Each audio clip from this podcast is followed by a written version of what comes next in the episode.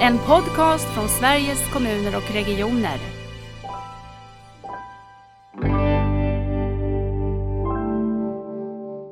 Det var ju just det här mellanrummet som vi kunde konstatera har fortsatt att vara mellan 60 och 90 och tyvärr ibland 120 dagar i 30 år fast vi har gjort så mycket för att minska det. För ibland, ibland, tänker man så här, men det går inte, det blir så stort och det blir så mycket. Och det är klart att det är mycket och det är stort. Men ibland är det faktiskt så att vi vågar liksom inte ta klivet. Vad är det värsta som kan hända? Ja, det, det är att det inte funkar inom, på något ställe och då justerar vi ju det.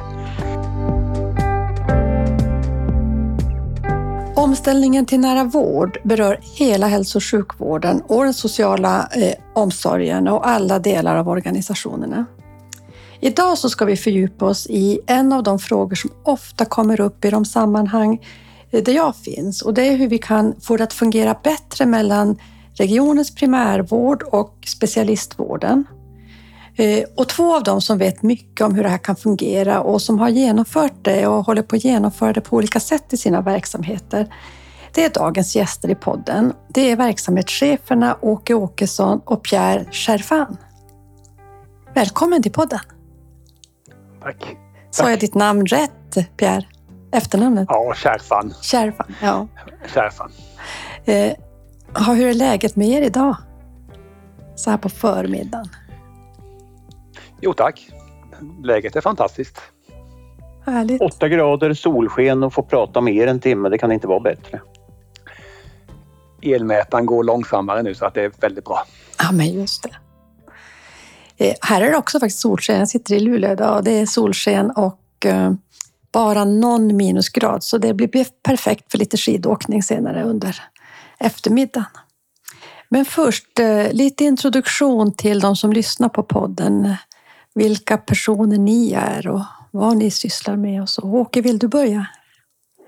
Ja, jag är idag verksamhetschef för Borgholms hälsocentral, har varit det i snart nio år. Under livet i övrigt så har jag två tredjedelar av arbetslivet jobbat som sjukhusläkare, framförallt infektionsläkare och den sista tredjedelen då i primärvården. Haft rätt många olika chefskap, 27 år sammanlagt i mm. fem olika regioner även om det bara är en region och fyra landsting. Och lite mer, vad gör du mer? Ja, du skvallrade där före vi började börja inspelningen att du är på väg att åka skidor. Ja, just det. Berätta. När vi har pratat färdigt så ska jag åka till Alperna för en vecka med min son och då lämnar jag min lilla gård på mitt på stora allvaret på södra Öland där mina hästar och min katt kommer att sakna mig en vecka. Oj, det lät härligt. Jag har förstått att du inte lämnar den så gärna annars. Nej, varje dag över bron är en förlorad dag säger riktiga ölänningar och efter 20 år här så tycker jag att jag är det. Vad säger man i dina hemtrakter Pierre? Vill man vara kvar där?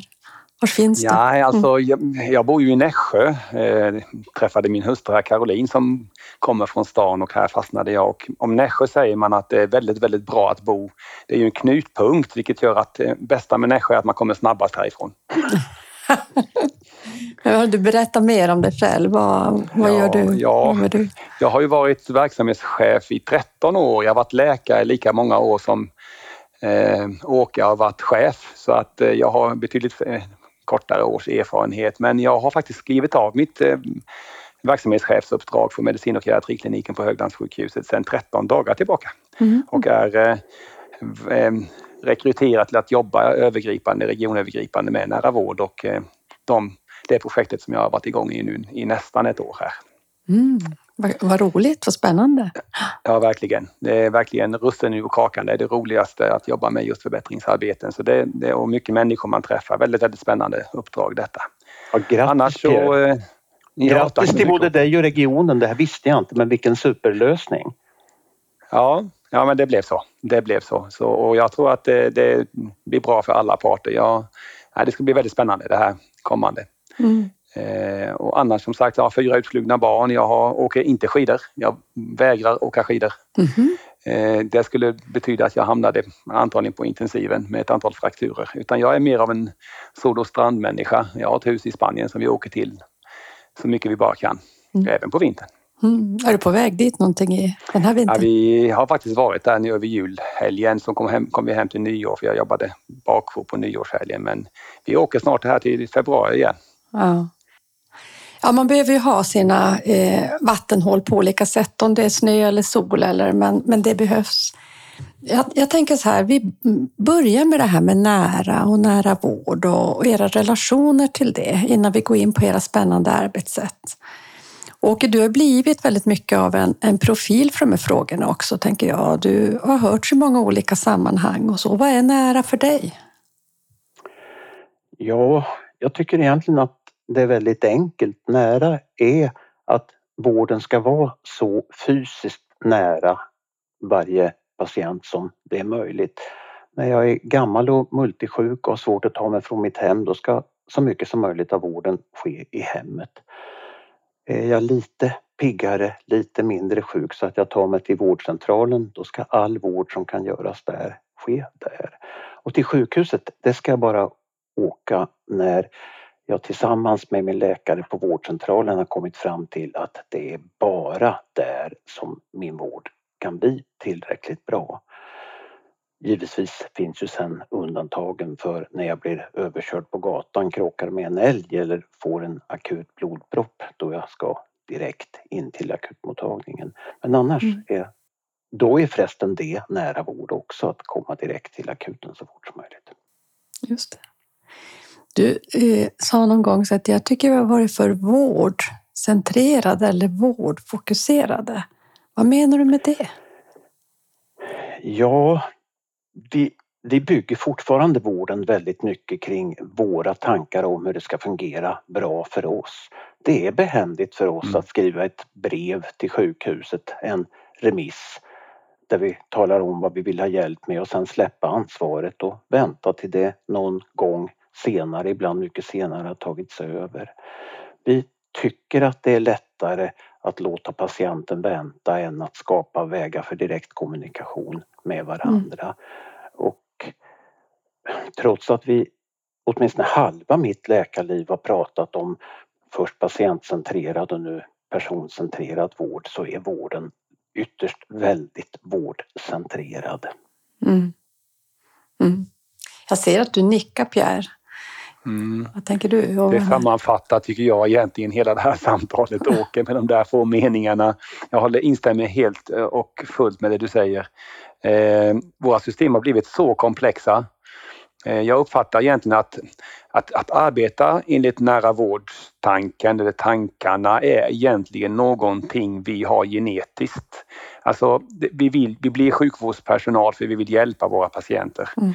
Eh, det är instinktivt. Det är ungefär som att första gången man håller i en iPhone så är det det mest självklara i hela världen och när man har gjort det ett tag så vill man inte någon gång hålla i något annat.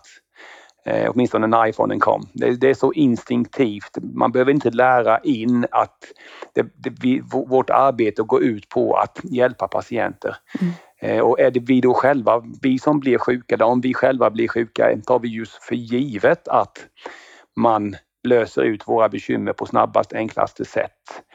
Eh, så det, är så instinktivt på något sätt men systemen blir mer och mer komplexa och motarbetar egentligen det som är våran själ som sjukvårdspersonal, att instinktivt jobba så här. Mm.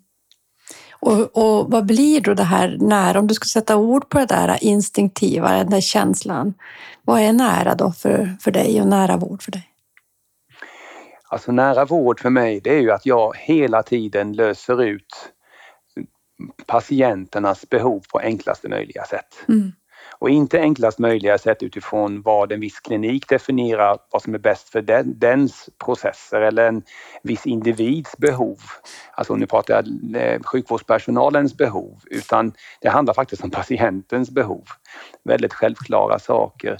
Man tar det där lilla, lilla stunden extra att göra färdigt direkt och besparar eh, så mycket arbete nedström som jag brukar säga, massor med tid går åt till att vi skickar papper mellan oss och ringer tillbaka och försöker hitta varandra och så vidare för att vi inte löste ut saken direkt, ja. frågan direkt.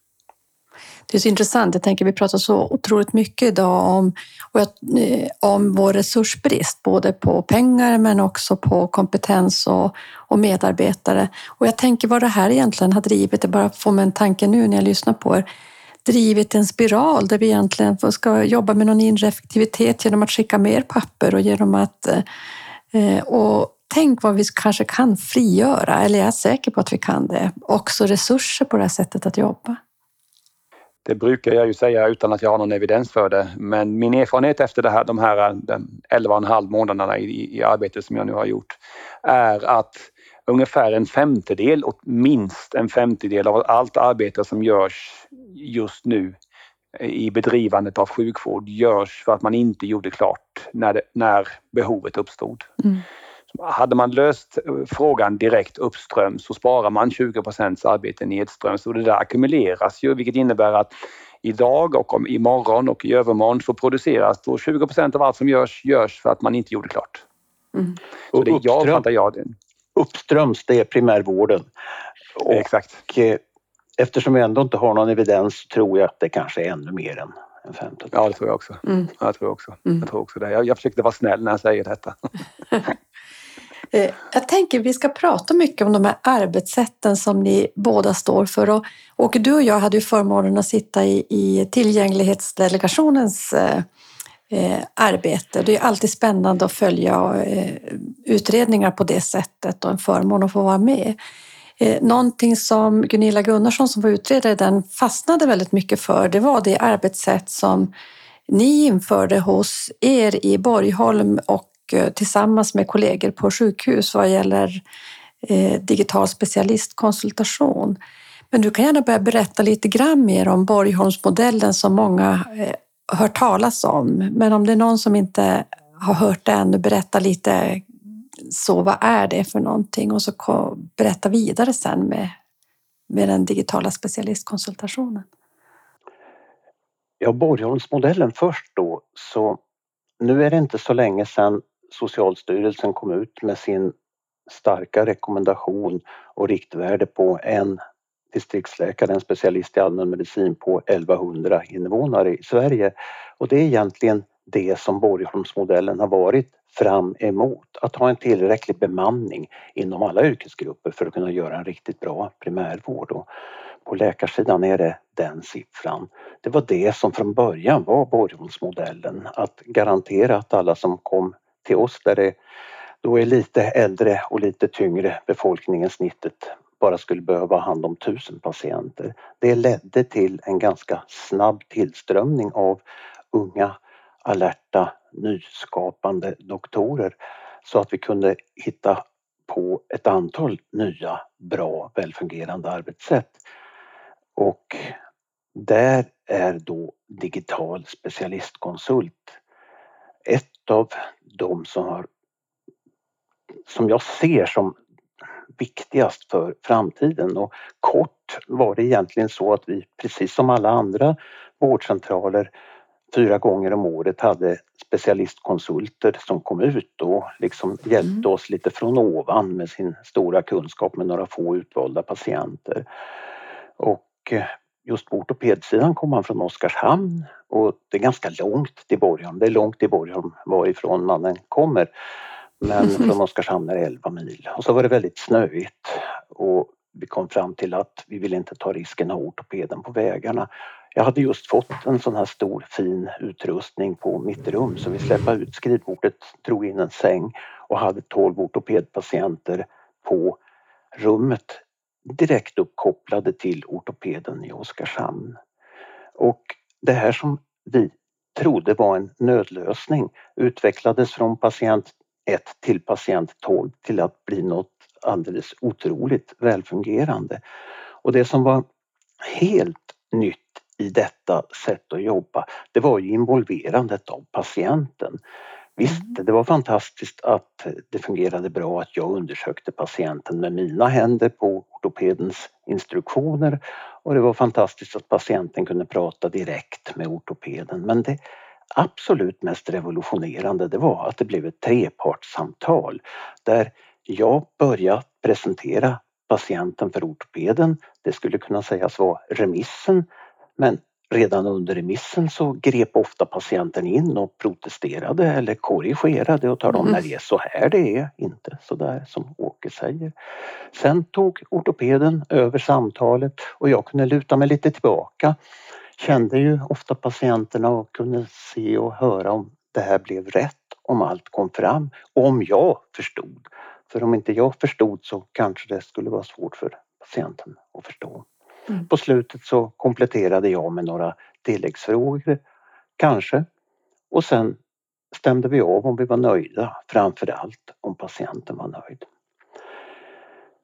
Det kom en pandemi med mycket ont men också en del gott. Ortopeden i Oskarshamn fick resurser att göra det här i utvidgad form i ett projekt. Vi fick Mhm. från 9 januari 2020 digital ortopedkonsult fem dagar i veckan, åtta timmar per dag. Vi kom att göra 400 digitala konsultationer med 100% patientnöjdhet, 100 nöjdhet, nöjdhet hos ortoped och distriktsläkare. Men också 320 av 400 konsultationer avslutades i det här direktmötet med den här nöjdhetsgraden. Bara Mm. 80 patienter behövde åka vidare och träffa ortopeden fysiskt och ett antal av dem var sådana som sattes upp för operation för att vi kunde avgöra det direkt utan något extra besök. För mig blev det här en mer än en aha-upplevelse. Det blev en helt ny insikt om att detta är framtidens vård. Väldigt många människor ligger i ett mellanrum, ett ingenting, där Mm. de har lämnat primärvården för att vi har skrivit en remiss men ännu inte kommit dit vi har skickat remissen. Mm. Och det vi jobbade med, du och jag och 15 till Lisbeth i delegationen, det var ju just det här mellanrummet som vi kunde konstatera har fortsatt att vara mellan 60 och 90 och tyvärr ibland 120 dagar i 30 år fast vi har gjort så mycket för att minska det. Och nu skulle vi också jobba med att minska det lite grann, eller man tycker att minska till 60 dagar är en jättestor förändring. Men här finns det en möjlighet dels att minska gapet till noll och dels, och igen vill jag säga det största, att involvera patienten i sin egen vård. Mm. Jag tänker verkligen, det är ju som exemplet på det här från att vara så vårdcentrerad och, och titta på de här siffrorna till att göra någonting där man involverar och verkligen låter primärvården bli navet. För vi pratar ju väldigt mycket om omställningen där primärvården är navet. Det blir på något sätt platsen, det blir det som blir nära och då behöver primärvård inte vara bara att vara på vårdcentral vill jag säga. Det, det kan ju vara att möta sin vård där man behöver den. Vad har varit svårt då? Eh, och jag har en annan fråga först bara. Du sa att ortopeden fick resurser i det här. Vad var det för typ av resurser fick de? Ja, Eh. Ortopedkliniken i Oskarshamn är en, en klinik som nästan bara opererar planerade operationer, höfter och knäleder och just det. det försvann under pandemin och det innebar att de hade flera erfarna, mycket erfarna ortopeder som dessutom var intresserade av att testa det här arbetssättet. Mm. Så att, eh, och det blev möjligt då. Mm. När sen pandemin ebbade ut och detta skulle, nu kommer jag till svårigheterna, Ja. och detta skulle breddinföras, då hade det, vi var precis i läget att 17 vårdcentraler hade kommit in, börjat nyttja det här och man såg att kapaciteten i Oskarshamn skulle inte räcka när vi ville vidga ut det. Utan då var vi tvungna att involvera många fler och då kommer det här med vår, vårdens svårighet att ändra arbetssätt så att vi håller fortfarande på med att försöka få till en förändring av arbetssätten som skulle kunna göra det möjligt, som nu Pierre är igång med redan i Mm. Jönköping, ett breddinförande i alla specialiteter. Jag tänkte det, vi, vi pratade också om det lite innan när vi började surra, innan vi började spela in. Att det kanske är så att de här arbetssätten som nu börjar växa fram, olika typer av arbetssätt, behöver växeldras på lite olika sätt. Du startade. Eh, Pierre, berätta om det, det du gör och ditt uppdrag och hur är kopplingen mot Åke? Blev ni inspirerad av eh, Borgholm eller hur kom ni på idén? med Det ni gör? Ja, vem, vem blir inte inspirerad av Åke? det är klart att man alltid blir inspirerad av att höra Åke berätta. Och jag, det, det är så här att jag, jag blev uppringd eh, eh, av regionledningen egentligen och, och ombedd att eh, fundera över om jag ville jobba med att förbättra samverkan mellan primärvård och slutenvård just i nära vård. Mm. Och det blev jag egentligen i januari eh, förra året. Och vi hoppade på det här uppdraget den 1 februari och eh, jag eh, var ju inte så insatt i ämnesområdet även om jag i min själ är en nära vårdsarbetande doktor. Men begreppet var inte mer, jag hade hört om det, jag hade läst om det men inte liksom jobbat aktivt i frågan så och då gör man ju en sökning på nätet och då dyker Åke upp lite överallt. Ja.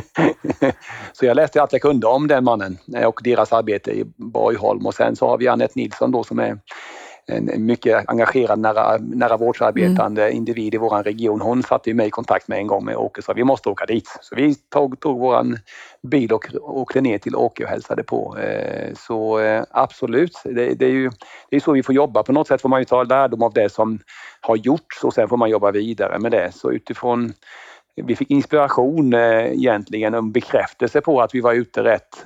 för det stämde väldigt väl överens med vad Åke hade gjort. Mm. Och, och vad är det ni gör då? Ja, alltså uppdraget för mig blev ju att se efter hur får vi samverkan mellan primärvården och slutenvården att funka bättre. Mm. Och då gjorde jag en inventering första sex veckorna där jag åkte runt och pratade med många, många människor. Primärvård, slutenvård, överallt, chefer, läkare.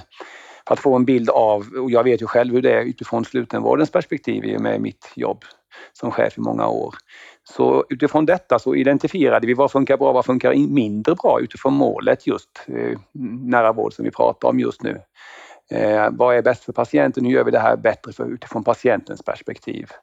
Och då utkristalliseras egentligen fyra områden, fyra spår kan man säga som jag nu har implementerat under 2023. I september kickade alla de här fyra spåren igång igen och det är ju inget projekt utan det är ett nytt arbetssätt. Från med dag ett, den 21 september när det infördes, så jobbar Region Jönköpings län enligt de här rutinerna. Och det finns liksom ingen väg tillbaka. Vi gör utvärderingar fortlöpande men det är inte ett projekt utan det är ett sätt att vara, ett sätt att tänka, mm. ett sätt att hjälpas åt. Är det viktigt, tänker du? Ja, mm. alltså, i projekt startar man och avslutar man. Mm. Nära vårdtanken startar man inte och avslutar utan det är ett sätt att vara. Mm. Eh, utan, och det måste man nog ta höjd för annars blir det sådär, ja, vi gör det här en vecka eller två och sen så går det över. Och så går Just vi tillbaka till som vi alltid har gjort. Va? Det, det, får man inte riktigt, man måste ha ett annat tänk här. Mm. Berätta om de här koncepten som växte fram. Vad är det för koncept? Vi är ju nyfikna. Ja, det är egentligen fyra spår som har implementerats som komplement till befintliga kommunikationsvägar. Sen tidigare har man ju den här remissen som egentligen är en, en bra kommunikationsform när det är lämpligt utifrån patientens behov. Eh, ibland är remissen alldeles, alldeles utmärkt och någon annan kommunikationsväg mellan eh, vårdaktörer är direkt farlig. Mm. Och ibland är det precis tvärtom, där den kommunikationsvägen är långsam, snårig, uppmuntrar till eh, att man skjuter saker ifrån sig och det tar ännu längre tid. Mm. Eh, så utifrån när vi gjorde den här behovsinventeringen så blir det väldigt solklart att det behövs egentligen tre nya spår från primärvården till slutenvården och ett spår åt andra hållet. Och om vi börjar med det här åt andra hållet, vilket ju är det enklaste, det är att hitta en primärvårdsdoktor.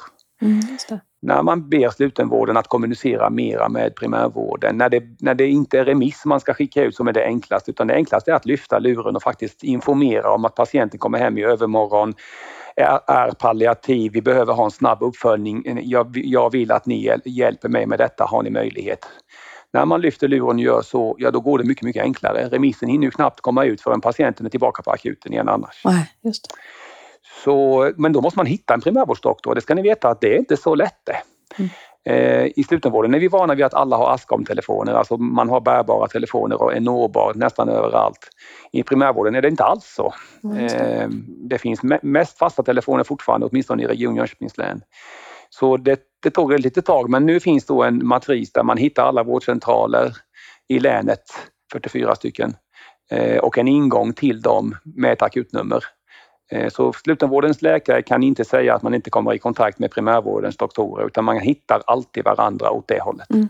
Vem svarar i den där telefonen? Åke, du hade någon tanke? Ja, vi svarar. Vi svarar i den telefonen. Det här är otroligt viktigt det här Pierre säger nu för att det är så lätt för oss att sitta och berätta hur svårt vi har att få tag i rätt doktorer på sjukhuset men det omvända är precis lika svårt. Att vi har sedan rätt länge en senior advisor som har som uppgift att stötta alla kollegor och sjuksköterskor som behöver stöttning men också att ha en telefon med ett telefonnummer där vi alltid svarar momentant när sjukhuset når oss och då kan jag det kan ju hända att jag, fast det inte är min patient, kan lösa en problematik, ta över en lätt rapport som jag förmedlar vidare till mm. ansvarig doktor. Men kan jag Exakt. inte det så går jag iväg med telefonen och Exakt. eftersom jag är senior advisor så tar den doktorn som är aktuell naturligtvis emot telefonen och då behöver sjukhusläkaren inte vänta med en max en minut. Och det är ungefär där som man har tålamod, mm. tid och kapacitet att vänta. Mm. Fantastiskt! Precis så är det och de flesta numren går till en akutdoktor per vårdcentral. På ett och annat ställe så går det till en akutsköterska som hittar doktorn mindre än en minut bort. Och precis som du säger Åke så är ju tanken att löser man inte ut frågan själv utan det är en, ett par, en parfråga egentligen så hittar man den kollegan och så löser man ut det i alla fall. Så, och det är faktiskt en nivå till på den och det är inte bara läkare, läkare utan det är faktiskt ambulanssköterska, läkare. Mm. För den är viktig att ambulanssköterskorna som är ute och åker ambulanserna hos, hos patienterna, de behöver ett momentant stöd. De får ett stöd via, via slutenvårdens specialister, via bakjourerna. Men de har ibland svårt att hitta primärvården som stöd och många av frågorna är ju faktiskt på primärvårdsnivån. Och då ska man ju inte bypassa primärvården utan då ska man kunna hitta en, en doktor på en vårdcentral som kan svara ut om de behöver hjälp med att ordinera någonting eller lämna patienten hemma under vissa premisser. Eh, så att det är ambulanssköterskor och läkare som använder sig av de här numren. Mm. Det var det ena spåret. De andra två, tre spåren de går åt andra hållet och då är det hur primärvård, eh, primärvårdsdoktorerna ska hitta den övriga specialiserade vården. Och många spår har vi byggt utifrån vad som är bäst för patienten diagnosmässigt. Alltså får man en ST-höjningsinfarkt så skickas man per automatik förbi akutmottagningen. EKG eh, skickas till HIA, patienten hamnar på PCI-bordet och får en åtgärd med en gång. Så vi bygger höftfrakturspår, vi bygger TIA-stroke-spår eh, diagnosmässigt men det blir väldigt svårt att bygga diagnosspår när det är så många diagnoser och när mm. eh, det, det, blir väldigt komplext. Istället bygger vi spåren utifrån hur angelägna de är tidsmässigt. Eh, det innebär att det är tempuslagda spår eh, och det är ett akut bakjourskoordinatorspår, ett subakut, alltså ett elektivt, eller subakut eh, konsultspår, specialistkonsultspår och ett elektivt multidisciplinär konferensspår. Mm. Eh, det akuta är akuta bakjourskoordinatorn. Där hittar man ju då en doktor när man behöver hjälp med sin fråga akut. Det är alltså en primärvårdssituation där en kollega i primärvården uppfattar att den har gjort precis allt som den ska enligt de riktlinjer som finns. Och nu är vårdnivån, primärvården, inte längre rätt nivå för att hjälpa patienten utan man måste akut, eller mer eller mindre akut, få hjälp på nästa nivå. Det kan handla om att man behöver lägga in patienten, det kan handla om medicinska konsultationer, om råd om utredning och behandling, det kan handla om en snabb mottagning i tid, mm. i eftermiddag eller imorgon, eller en snabb röntgenundersökning. Det här bygger på att primärvården definierar behovet och slutenvården lyssnar med stora öron för att efterhöra vad är bästa vägen in till deras nivå. Eh, historiskt sett så finns det bara en väg in akut och det är akutmottagningen. Exakt. Och historiskt sett så blir man nästan sur som bakjour när man blir uppringd för då uppfattar man att varför ringer du för om patienten ska ändå läggas in. Mm. Så att här är det, det är den stora skillnaden när man frågar mig vad är skillnaden mellan en bakjour och en bakjourskoordinator? För den frågan kom ju väldigt mycket i början. Så är den största frågan att en bakjour hade, har som, av traditionsmässiga skäl som huvuduppgift att svara på frågor om utredning och behandling och ibland lite elakt kanske säga att måste du verkligen skicka in patienten? Eh, nu är tanken då att, att eh, primärvården definierar behovet. De har en patient som, de, som inte längre kan hjälpas på rätt sätt i primärvården och då måste de komma med ett behov. Det kan vara att man snabbt behöver ge en blodtransfusion, det kan vara att man snabbt behöver ha en röntgenundersökning eller som sagt direkt inläggas. och ibland kanske inte akut skickas in idag men få en snabb tid för ett besök i eftermiddag eller imorgon eftermiddag. Och, och det är alltså primärvården som säger vad behovet är och den här koordinatorn, bakgårdskoordinatorn, löser ut detta. Mm.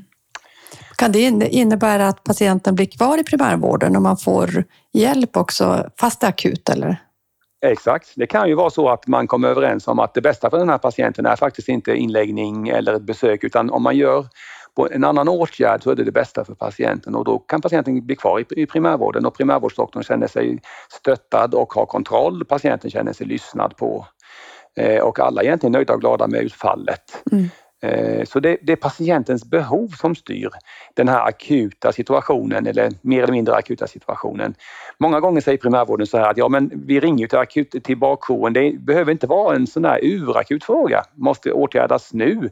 Men den är definitivt så, så angelägen så det måste göras inom ett par dagar i alla fall. Mm. Och då gäller det att skapa eh, vägar för detta. Och hur gör man det? Ja, det går ju inte att slutenvården går med tomma tider och väntar på att primärvården ska höra av sig. Och då är det många enheter, eh, märker vi här på medicinsidan, geriatriksidan till exempel, som faktiskt riggar för akuta tider på eftermiddagarna och sätter upp det som ST-läkarmottagningstider. Man har två tider på sin mottagning, där, på sin klinik där ST-läkarna, de långt gångna ST-läkarna i medicin och annan specialitet inom internmedicinen kan då sättas upp för att få ett snabbt besök. Mm. Så då, vi har, då har bakgårdskoordinatorn möjlighet att, att på en eller två tider eh, skapa en, ett, en, en, en, lucka för patienten att komma in samma dag eller dagen efter. Mm. Och inte bli hänvisad till akutmottagningen och inte bli. Mm. Och då kommer man ju till då en, en, en doktor som faktiskt är långt gången i, i internmedicin och den kan lösa ut frågan. Alternativt så har den ju hela klinikens alla specialister till förfogande om de behöver hjälp med att lösa ut frågan. Har du några tankar Åke när du hör det här sättet att jobba eller något liknande? Just i det akuta? Men det är helt underbart. Det här, det här är detta är framtidens vård och just kommunikationen omkring patienten och insikten att det finns alltid en tredje lösning. Det finns min lösning, din lösning och sen en bättre lösning och det är den bättre mm. lösningen som mm. vi når här när sjukhusläkarna, primärvårdsläkarna pratar med varandra med patienten involverad. Det är suveränt. Vet ni vad jag tänker på? Jag tänker att så fort man blir en remiss så blir man på något sätt en pinne i systemet, inte en person mer. Så jag tycker att det känns som att man fortfarande finns med som som den person man är i det här sättet som ni beskriver arbetet. Inte den här pinnen i statistiken som har väntat si och så länge och som blev på något sätt ingen. Och sen är det ju egentligen ett trendbrott i detta att allt akut till sjukhuset blir via mm. akuten. För mm. det är den, mm. ja, det är en, ofta en väldig återvändsgränd som man stannar länge i. Mm. Mm, verkligen, och inte bra. Och det är något som vi lyfter jättemycket Åke, just det här att akuten är en fantastisk akututredningsenhet. Den är en ganska dålig inskrivningsenhet därför att patienterna de som ska, som ska skrivas in blir liggande ganska länge för man prioriterar ju de här som är akut sjuka, det vill säga de som har bröstsmärtor och andfåddhet och de som de ska, ska skrivas in bara för liksom inskrivningens skull, de är ju inte akut sjuka citationstecken. Nej. Eh, och det andra som akutmottagningen är riktigt, riktigt livsfarlig i, det är ju att vara en vårdavdelning. Att ha patienten liggande över natt på, en akutmottagning är absolut inte tillrådligt. Eh, så att man måste fundera över vad är, liksom, vad är det byggt för? Det är byggt för akututredning. Och det innebär att patienter som, som ska akututredas, de ska definitivt inte bypassa akuten. Har man en patient som, eh, som, eh, där det är oklart vad patienten lider av. Vi hade en sån häromdagen som vi hanterade i systemet där eh, direktinläggning diskuterades men där det, det blev inte alls bra att direktinlägga patienten därför att det var inte klart vad patienten led av. Eh, och då ska man till akuten, där ska man diskutera mellan, i det här fallet medicin och kirurgi. Det var inte oklart om det var ett fall som var det ena eller den andra specialitetens domäner egentligen och då blir det mycket, mycket enklare att ha patienten på akuten. Hade diagnosen varit solklar, då är patienten, och patienten måste läggas in, då är det mycket, mycket bättre att bypassa akuten istället för att bli väntandes på akuten. Mm. Så man måste liksom tänka till, vad är bäst för patienten? Mm. Det är viktigt med ord också. Jag tänker när man sätter sådana ord på det så blir det också mer tydligt en akut utredningsenhet eh, och inte något annat. De andra spåren då? Ja, de andra spåren egentligen, det nummer två är då den akuta konsulten, då har man en situation i primärvården där man har en patient man har utrett eh, mer, mer, eller, mer eller mindre lång tid men man har kommit till ett, en, en, situation där man upplever att nu kommer jag inte längre. Då är den enda vägen idag att man skriver en remiss Eh, ibland är remissen som sagt den är jättebra för man behöver ha med mycket information och på ett sätt där, där, där remissen är den bästa vägen. Men många gånger så är det enklare att lyfta luren och prata med en specialist. Mm. Och då har vi riggat för en ingång i länet där man via matris då mycket enkelt hittar den specialisten man vill ha tag i. Kontorstid vardagar måndag till fredag mellan 8 och 16 så svarar det en specialist i alla ämnesområden i Region Jönköpings län. Mm. Till alla primärvårdsläkare. Mm. Eh, och då eh, är tanken att man eh, presenterar sin, sin, eh, sitt fall. Man kan ha patienten i rummet, patienten kan vara delaktig om man upplever att det är till nytta. Och som Åke har beskrivit så är det faktiskt många gånger det är till nytta.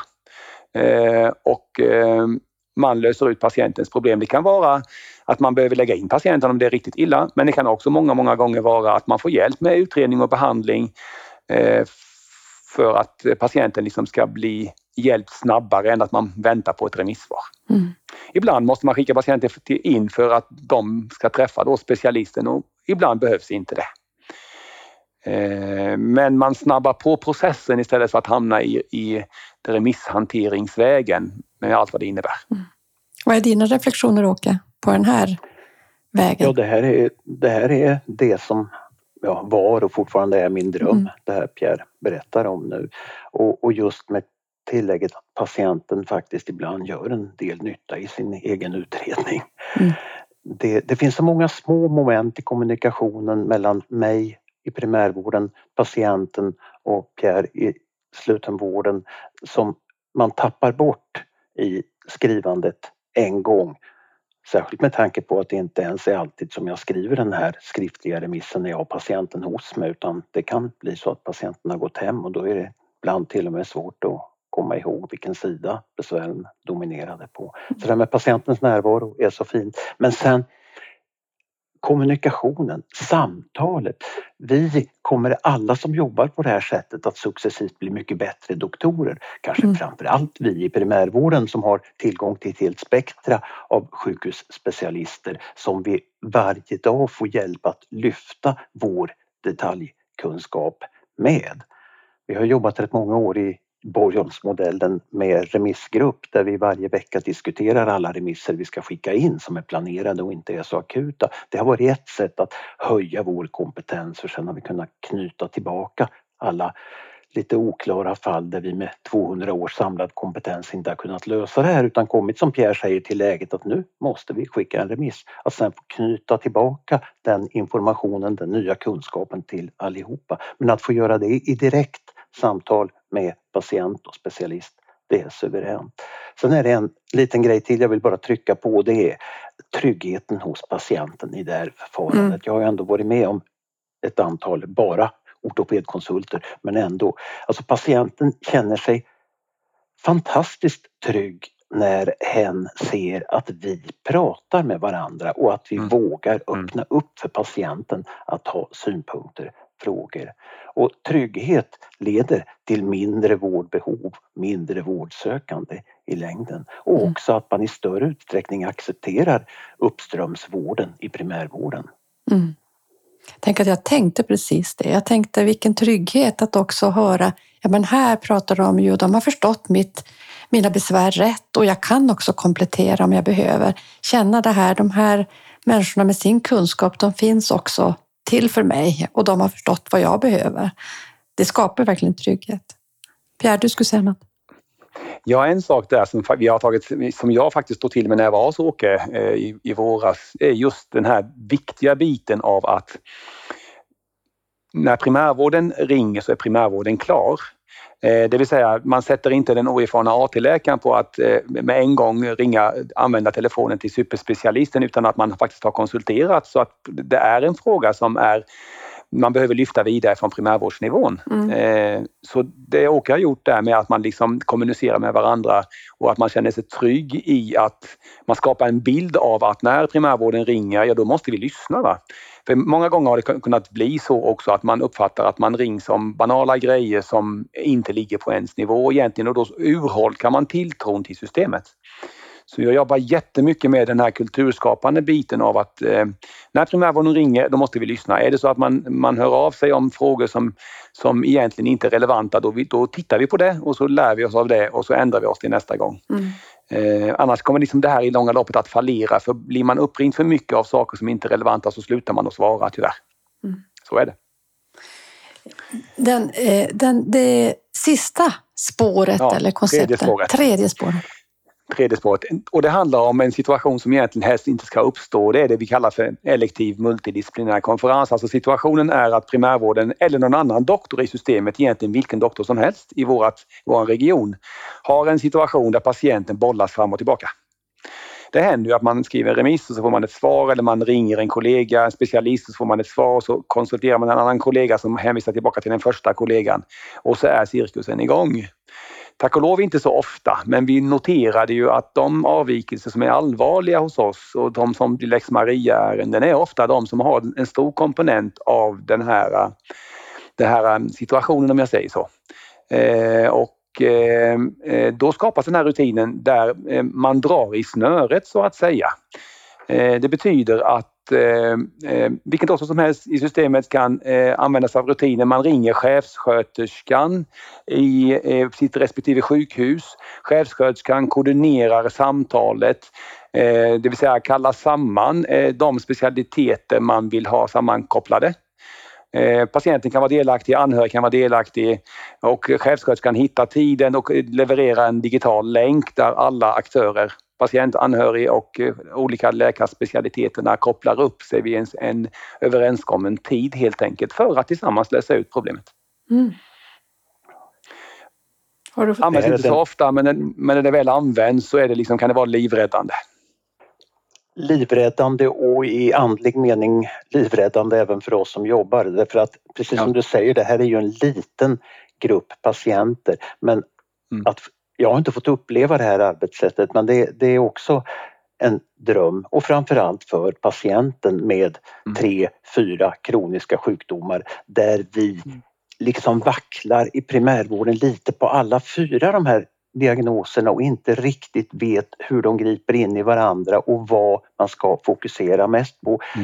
Där det kanske inte heller finns en säker lösning och patienten är medveten också om att det inte Mm. finns en säker lösning. Men den lösning som två, tre erfarna sjukhusläkare tillsammans med patientens primärvårdsläkare och patienten Mm. kommer fram till, det är ändå den bästa lösning som går att få. Mm. Och den här lilla gruppen, för igen det är ju ganska få, det är ändå den som står för en så stor del av vårdkostnaderna beroende på att man kan åka ut och in hur många Mm. gånger som helst i de här olika filerna annars Mm. utan att få trygghet och därför blir akuten också en bit i den här ständigt återkommande Mm. loopen.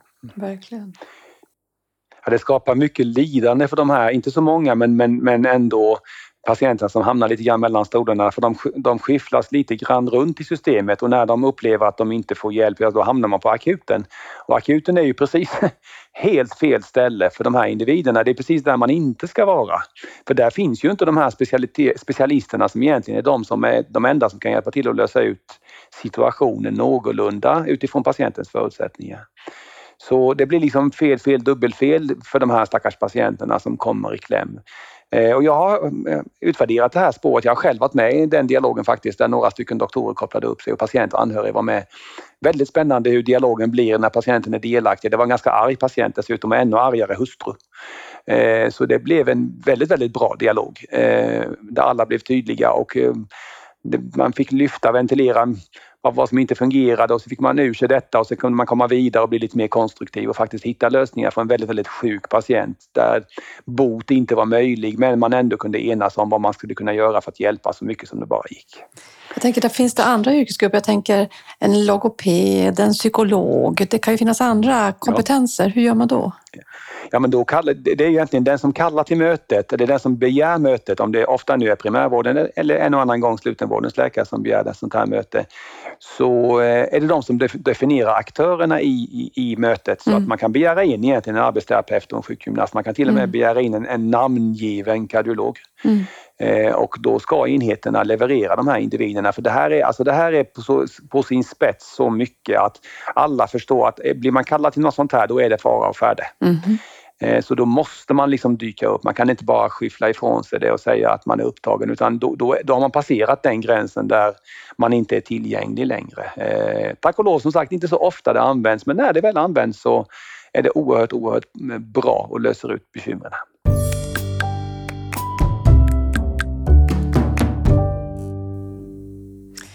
Jag tänker när man lyssnar på er, så tänker man det låter så enkelt och nu har ni i Jönköpings län de här fyra olika eh, spåren. Eh, men du har varit inne på det Pierre och du också Åke. Det här är ju också en väldigt stor kulturresa. Ja. Eh, för att, att de här spåren finns, och man skulle kunna tänka sig att de finns på något papper någonstans eller hur de nu mm. definieras. Men hur får vi dem? Du säger när det här sista spåret här kallas till det tredje, ja men då ska, då ska man infinna sig. Men hur får vi till det? Jag tror att det är med fungerande exempel.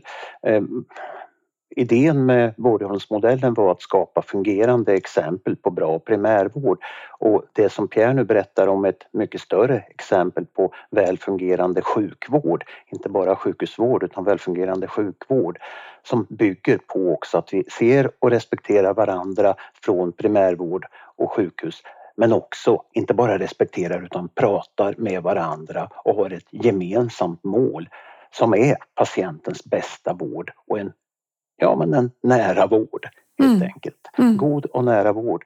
Och, och där vi övergår till att helt och hållet vara fokuserade på detta och inte på våra arbetssätt i sig. Mm. Och jag, ja, exempel då, hur ska det bli? Jag tror att det här är ett så stort exempel. Det här, jag känner lycka över att Jönköping har kommit så här långt och som Pierre berättar för att det, här, det kommer att bli omöjligt att inte jobba så här. Precis som det till slut blev omöjligt att hävda att det skulle gå bra att ha 2000 patienter på en distriktsläkare utan att man var tvungen att sätta ner foten på en på 1100 så kommer när ett antal patienter har varit igenom de här fyra olika vägarna, arbetssätten i Jönköping så kommer det att bli så uppenbart för resten av Sverige att detta är framtidens sjukvård. Vi måste dit vi också. Mm. Hur har det varit för dig? Hur, hur får ni det här att ske nu? Pierre? Jag eh, tre punkter vill jag säga här egentligen hur man ska få, gå från, från ord och vision till handling och, och införande kan man säga. Det ena är att, vi, att man har ett narrativ som man beskriver mm. där alla förstår och inser att patienterna förväntar sig det här av oss. Alltså det här är en patient, någonting som patienterna utgår ifrån att vi självklart gör. Mm.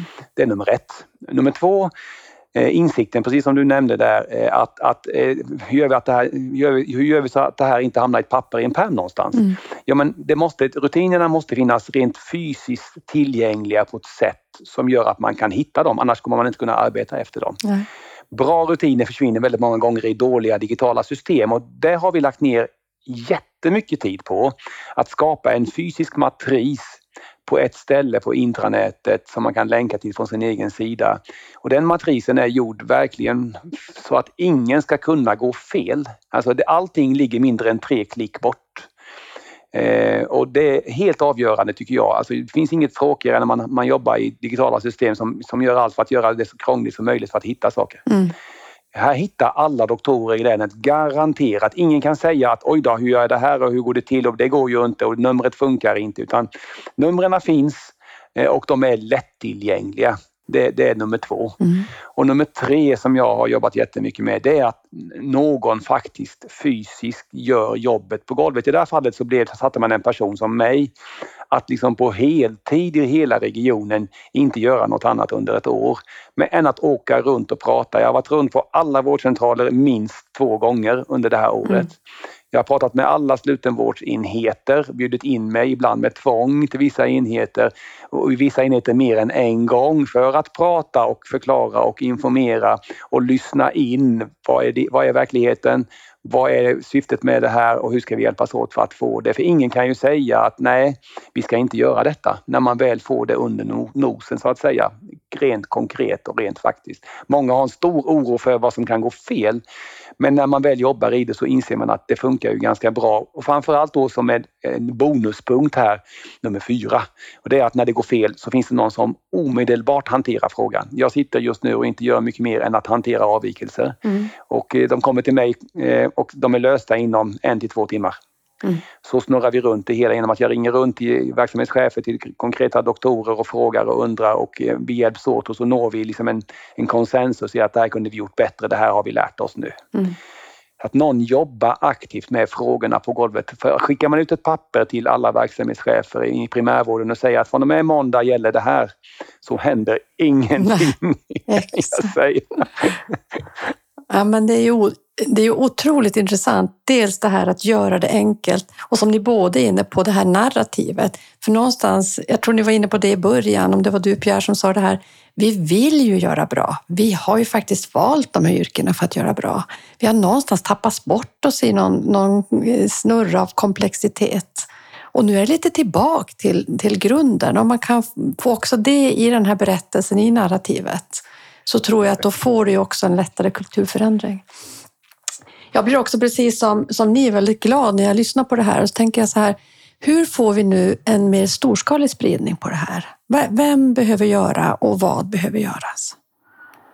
Tror ni? Nya nätverk. Eh, Pierre behöver få berätta för en sjukhusläkare med en respekterad sjukhusläkare, en respekterad primärvårdsläkare i varje region. Men det har han ju gjort nu i den här podden så det är redan mm. på gång. Men det behöver bli uppföljningsmöten där, där Pierre berättar för regionledning, för sjukhusledning, sjukvårdsledning helst på varje region i landet om hur det här fungerar. Och vi pratade evidens i början. Ja. Det kommer väldigt snart att komma mycket stark evidens på att det är så här man måste göra.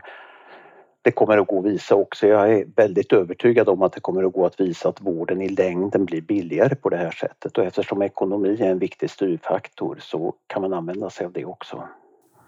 Vi måste komma ihåg det nu Pierre, hur utvärderar ni? Men om du först får ta den här frågan om hur ser du på spridningen som Åkesson, nätverken här, sättet att komma ut och prata med fler? För jag tror inte vi har riktigt tid att vänta. Vi måste ju sprida nu det som eh, börjar växa fram. Alltså det, det, är ju lite spännande där därför att regionalt så har, är man ju så nära sina verksamheter så att det finns ju liksom det finns ju en, en mall för hur man gör det. Jag har skapat en mall i vår region för hur, hur man gör och det vill säga jag har täta, täta kontakter med allt och alla hela tiden fortlöpande. Men sen slutar ju liksom systemet, regionerna, det finns ingen naturlig plattform förutom det vi är i just nu för att föra det här vidare. Utan det är upp till varje, i en, eh, varje region och varje doktor, varje chef och varje förvaltningschef och så vidare att, att, att eh, liksom lyssna in och säga men, men det här måste vi, den här måste vi lyssna på, det här måste vi ta in. Vi har liksom ingen naturlig spridning av det. Mm. Eh, och det är ju lite tråkigt för då måste alla göra samma misstag om och om igen på varje ställe va? istället för att lära av varandra. Jag tycker jag har haft stor nytta av liksom att höra Åke och hans utmaningar. Sen har jag ju omsatt dem lite grann i vår organisation och lyft fram exempelvis som jag sa innan det här med att när primärvården är klar, ja då är primärvården klar, då har de konsulterat med varandra självklart. Eh, och så vidare. Så, så, man lär av varandra och det går, då går det snabbare och snabbare för man hoppar de största misstagen. Så där måste vi verkligen skapa en plattform nationellt mm. för att få spridning. Mm. Och det är ju det arbete som du gör mm. exempelvis. Mm. Som, att vi sitter här exempelvis. Men jag är också inne i tankar om att när vi nu börjar forma olika arbetssätt, hur skulle vi kunna ha någon plattform för att sprida dem? Att sådana som ni finns och berättar om det, andra som har gjort andra saker berättar om det. Men också, då kommer vi tillbaka till det du var inne på Åke, hur får vi också evidensen för det här? För jag är precis lika övertygad som er i det jag ser, de nya goda resultat bara som patienter och närstående bekräftar glädjen hos medarbetare. Det finns en sån stor kraft i det här. Följ utvärderar ni Pierre det här på något sätt? Mm. Ja, men det gör vi. Vi följer detta och det, det är ju en av de stora utmaningarna att försöka liksom ha någon... Alla, vill ju, alla på central nivå vill ju kunna visa med, med hårda mått att det här har gjort skillnad. Mm. Eh, och då finns det ju mått med remissflöden, antal remisser som skickas, antal remisser som avslås, eh, remisser där man begär kompletteringar som till exempel, eller antal telefonsamtal som har gjorts. Men till syvende och sist är det faktiskt när man åker runt som jag gör och träffar alla människor fortlöpande hela tiden så får man med en gång en väldigt, väldigt bra bild av vad som inte funkar och vad som funkar jättebra. Eh, min känsla just nu är att vi har kommit gott och väl över den här brytpunkten i vår region där man har varit ifrågasättande och verkligen undrar om att till att alla nu ser och förstår väldigt tydligt att det här är vårt nya arbetssätt. Och så händer det avvikelser och så hanterar vi dem. Men, men jag tror ingen vill gå tillbaka och jobba som vi gjorde innan där man inte hittar varandra. Det är så självklart nu att man använder matrisen och att man hittar varandra eh, så från båda håll kan jag säga. Eh, även om jag inte kan säga vi funderade på att skicka ut en enkät till alla doktorer i länet och undra och fråga hur, vad tycker ni? Vad funkar och vad funkar inte? Hur har det här påverkat era arbetssätt? Vad vill ni rekommendera istället för, för förändringar i detta? Så, men eh, det kan man absolut göra också. Eh, ibland är det faktiskt bara så att eh, det är ungefär som att mäta en patients tillfredsställelse. Man kan visa gubbar med olika leenden beroende på skala 1 till 10 och så vidare. Men ibland är det faktiskt bara bra om man, mm. om man vet om det. Det känns i hjärtat. Mm. Det, det, det, har gjort skillnad. Va? Och det får vi faktiskt också leva med att allt går inte att kvantifiera i, i tider och mått. Det som skiner igenom många gånger nu när du pratar Pierre är ju oeftergivligheten i detta. Ni har bestämt de här fyra spåren gäller. Det är patienten i centrum. Det är ja individfokuserad vård som gäller. Det är så många som gör små förändringar av bra slag på en massa olika sätt men där man inte ändrar kulturen. Och det ni har gjort, du och Jönköping, är att ändra kulturen och det är det svåraste som finns. Men då krävs det oeftergivlighet därför att vi alla vill helst vara kvar i den kultur vi mm. har varit och att klara det här språnget över det kräver ett ganska stort tryck och en oeftergivlighet och det har ni mm. åstadkommit och då kanske det ingår att inte för tidigt fråga om alla är nöjda för ni kommer fortsätta även om det är några som inte är nöjda. Mm. Ja, det, det märks så tydligt att vi är så vana vid att jobba i projekt. Jag minns det så väl när jag fick uppdraget eh, av eh, högsta tjänstemannen i länet, eh, regionen hos oss. Och då uttrycktes det som att kan du tänka dig att göra det här som ett projekt mot medicinklinikerna i länet? Och jag blev tyst två sekunder och tänkte men det kommer inte ha någon effekt överhuvudtaget om vi inte gör det överallt samtidigt. Mm. För ibland, ibland, tänker man så här, men det går inte, det blir så stort och det blir så mycket. Och det är klart att det är mycket och det är stort, men ibland är det faktiskt så att vi vågar liksom inte ta klivet. Vad är det värsta som kan hända? Ja, det, det är att det inte funkar inom, på något ställe och då justerar vi ju det. Mm. Så att det blir ju väldigt snabbt så att nej, vi ska göra det. Mitt krav var att göra det överallt samtidigt. Eh, och då blir ju min arbetsgivare väldigt glad och tyckte, fixar du det så blir du ännu bättre. Ja, sa det blir det nog. Eh, så att, att man vågar, liksom, och som vi säger nu också, som Åke säger, att man vågar stå fast vid att Eh, om, om alla tycker att det här är det bästa för patienten, varför gör vi inte det då? Varför ska vi, liksom, varför ska vi ha något annat alternativ? Det finns inget annat alternativ, utan då gör vi det och sen lär vi oss. Man, man måste, man måste vara väldigt, väldigt noggrann med att ta, ta höjd för att funkar det inte så justerar vi. Och det har jag gjort hela tiden. Man ändrar telefonnummer, man ändrar tider, man ändrar någon, i rutinen lite grann så att alla ska liksom vara med och förstå. Så det, det, att man har en, en snabb och bredd inför och, och är tydlig kräver att man också är lyhörd för att, att justera. Och det är också en grej jag märkte i början var det en ganska stor misstro även i vårt län, vår region till att ja, ja, gör vi så här så vi måste vara på våran vakt nu för gör vi så här så kommer det ju bli, blir det inget bra så kommer, kommer det vara så här för evigt. Mm. Nej, sa jag, det blir det inte. Jag, jag garanterar att, att, så fort det inte funkar så kommer jag vara den första att justera med en gång. Jag, jag är den som står kvar vid att liksom vara ansvarig för att se till att det här omedelbart justeras så det passar så bra som möjligt. Och då får man en tillit till det och då vågar man. Eh, för många gånger gör man stora förändringar och så är det ingen som håller i uppföljningen. Eller, eller en väldigt dålig uppföljning som händer väldigt, väldigt sent och då är det så för sent helt enkelt. Mm. Tänk om man skulle fråga 10 miljoner svenskar om de vill ha vården på det här sättet som du nu har berättat om Pierre, eller om de vill ha den som den har varit och tyvärr fortfarande i mångt och mycket är.